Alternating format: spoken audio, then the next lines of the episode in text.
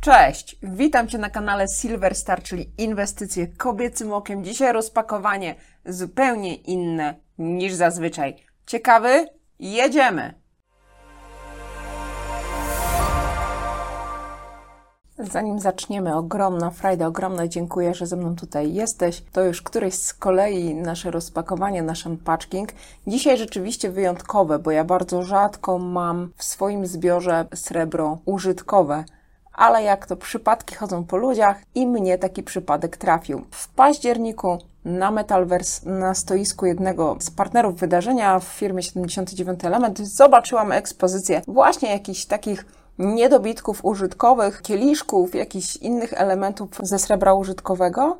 I gdzieś mi to mignęło okiem, ale oczywiście w ferworze walki na konferencji nie miałam zbytnio czasu podejść i zapytać. Ale po samej konferencji odezwałam się do teamu 79 elementu i zapytałam, czy mają jeszcze te kieliszki, bo ja chętnie bym je odkupiła. Także w końcu po wielu miesiącach, bo te kieliszki czekały na mnie od listopada zeszłego roku, udało mi się je odebrać. Dziękuję teamowi, że przytrzymał je dla mnie. One miały iść na przetop. Nie są jakieś zwyczajne. Tutaj możecie zobaczyć, są ich dwa rodzaje. One się różnią delikatnie wielkością i tym laurem, który tutaj idzie wzdłuż. Ten ma delikatniejszy, ten tutaj z prawej strony jest szerszy.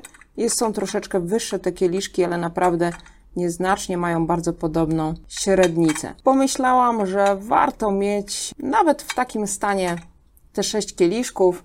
Nigdy nie wiadomo, co w plenerze może się przytrafić i do czego mogą się one przydać. Także są to moje właściwie tego typu pierwsze kieliszki. Mam jeszcze jeden w swojej kolekcji, ten kieliszek od gwiazdy gwiezdnego poszukiwacza. Pozdrawiam Cię, Darku, bardzo serdecznie. Przywędrował aż z Wielkiej Brytanii.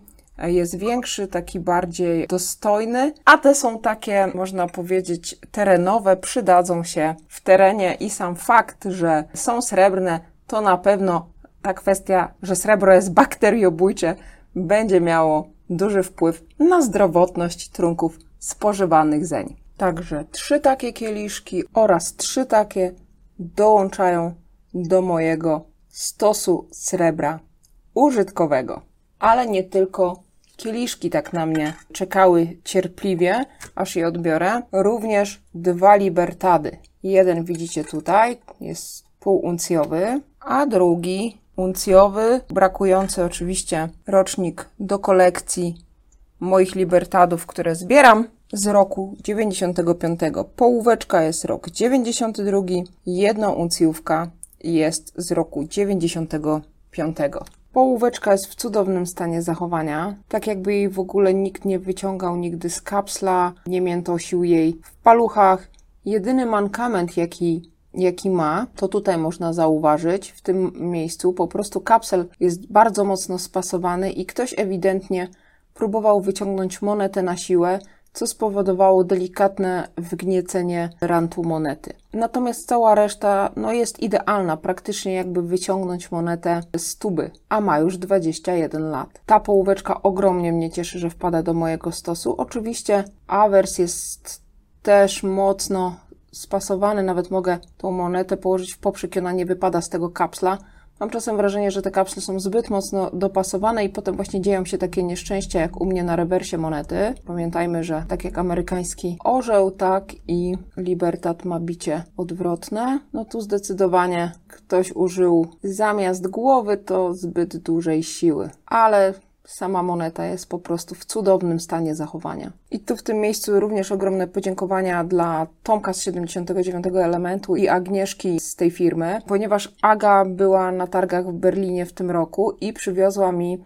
Libertada z 95 roku, którego nie miałam jednouncjowego. Natomiast e, Tomek właśnie przykukał gdzieś tą połówkę Libertada i pamiętając o tym, że ja zbieram Libertady, odłożył ją dla mnie. Zatem, kochani, ogromna wdzięczność, że po prostu pamiętacie o mnie no i mamy jednouncjowego anioła wolności. Stan zachowania jest bardzo dobry. No, jedynym faktem wynikającym z wieku monety i pewnie warunków przechowania jest ta patyna, którą widzicie. Na początku zastanawiałam się, czy czyścić tą monetę z tej patyny, ale chyba dam sobie spokój i ją zostawię. Są delikatne rysy na, na tej monecie, natomiast stan zachowania ogólny jest, jest bardzo dobry. Także cieszę się, że kolejny rocznik mam odhaczony i 95 dołączył do mojego stosu. Awers jest y, zupełnie w innym stanie. W ogóle, jeśli widzicie gdzieś jakieś objawy patyny, to są tylko tutaj u góry. Reszta awersu jest niedotknięta tym brązowym kolorem, który znajduje się na, na rewersie Libertada.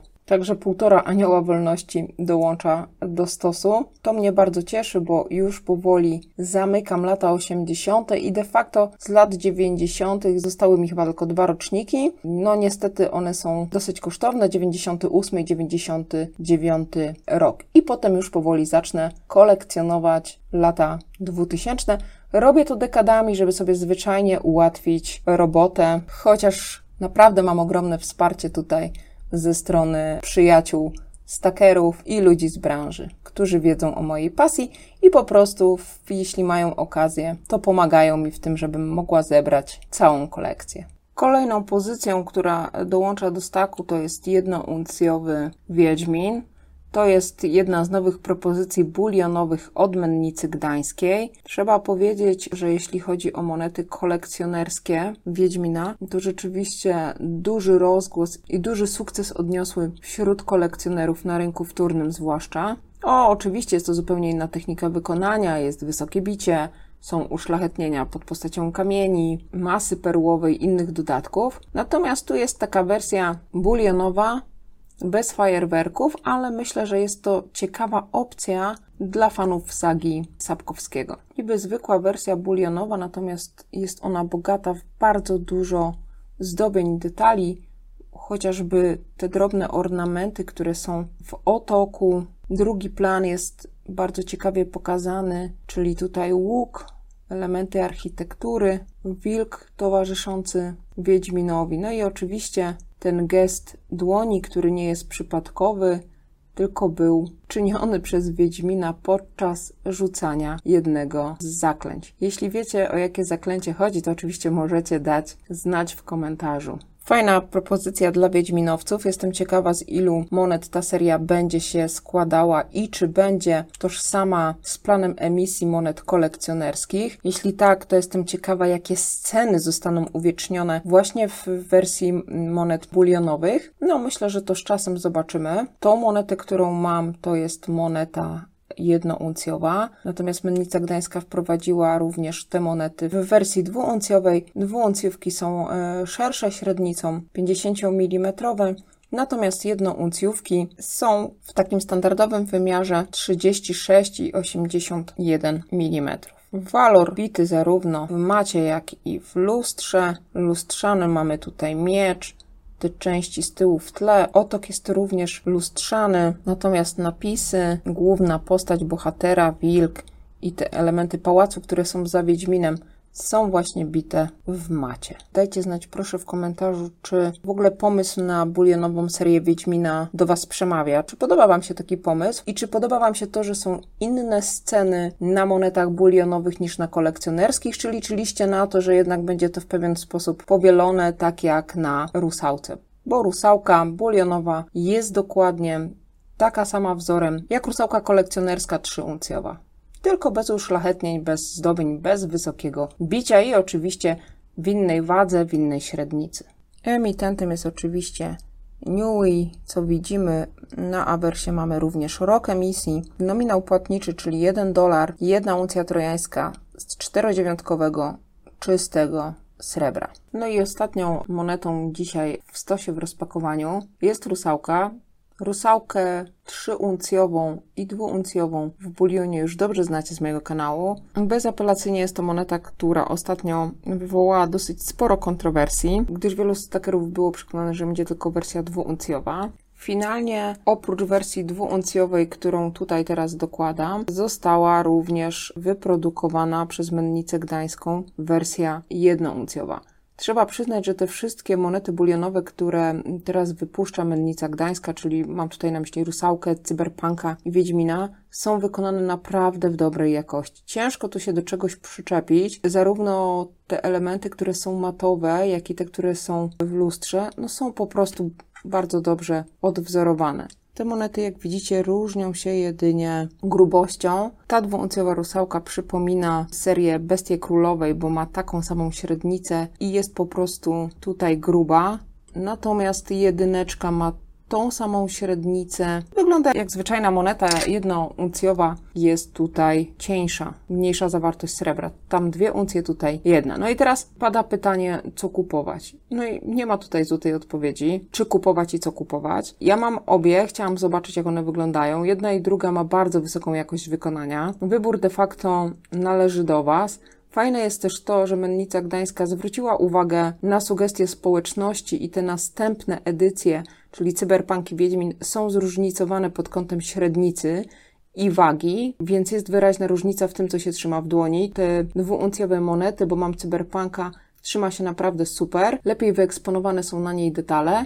No a jedyneczka jest po prostu mniejsza, skromniejsza, ale również przyjemna. Wybór ostatecznie należy do Was, czy wybierzecie srebro bulionowe, czy skupicie się tak jak ja akurat y, dzisiaj na srebrze użytkowym. Pocieszające jest to, że na rynku naprawdę jest bardzo dużo ciekawych produktów i to od Was zależy, co wybierzecie. Dajcie znać w komentarzach, czy kupowaliście ostatnio srebro na spadkach i co padło Waszym wyborem. A ja już dzisiaj kończę. Pozdrawiam serdecznie. Dużo dobra. Cześć.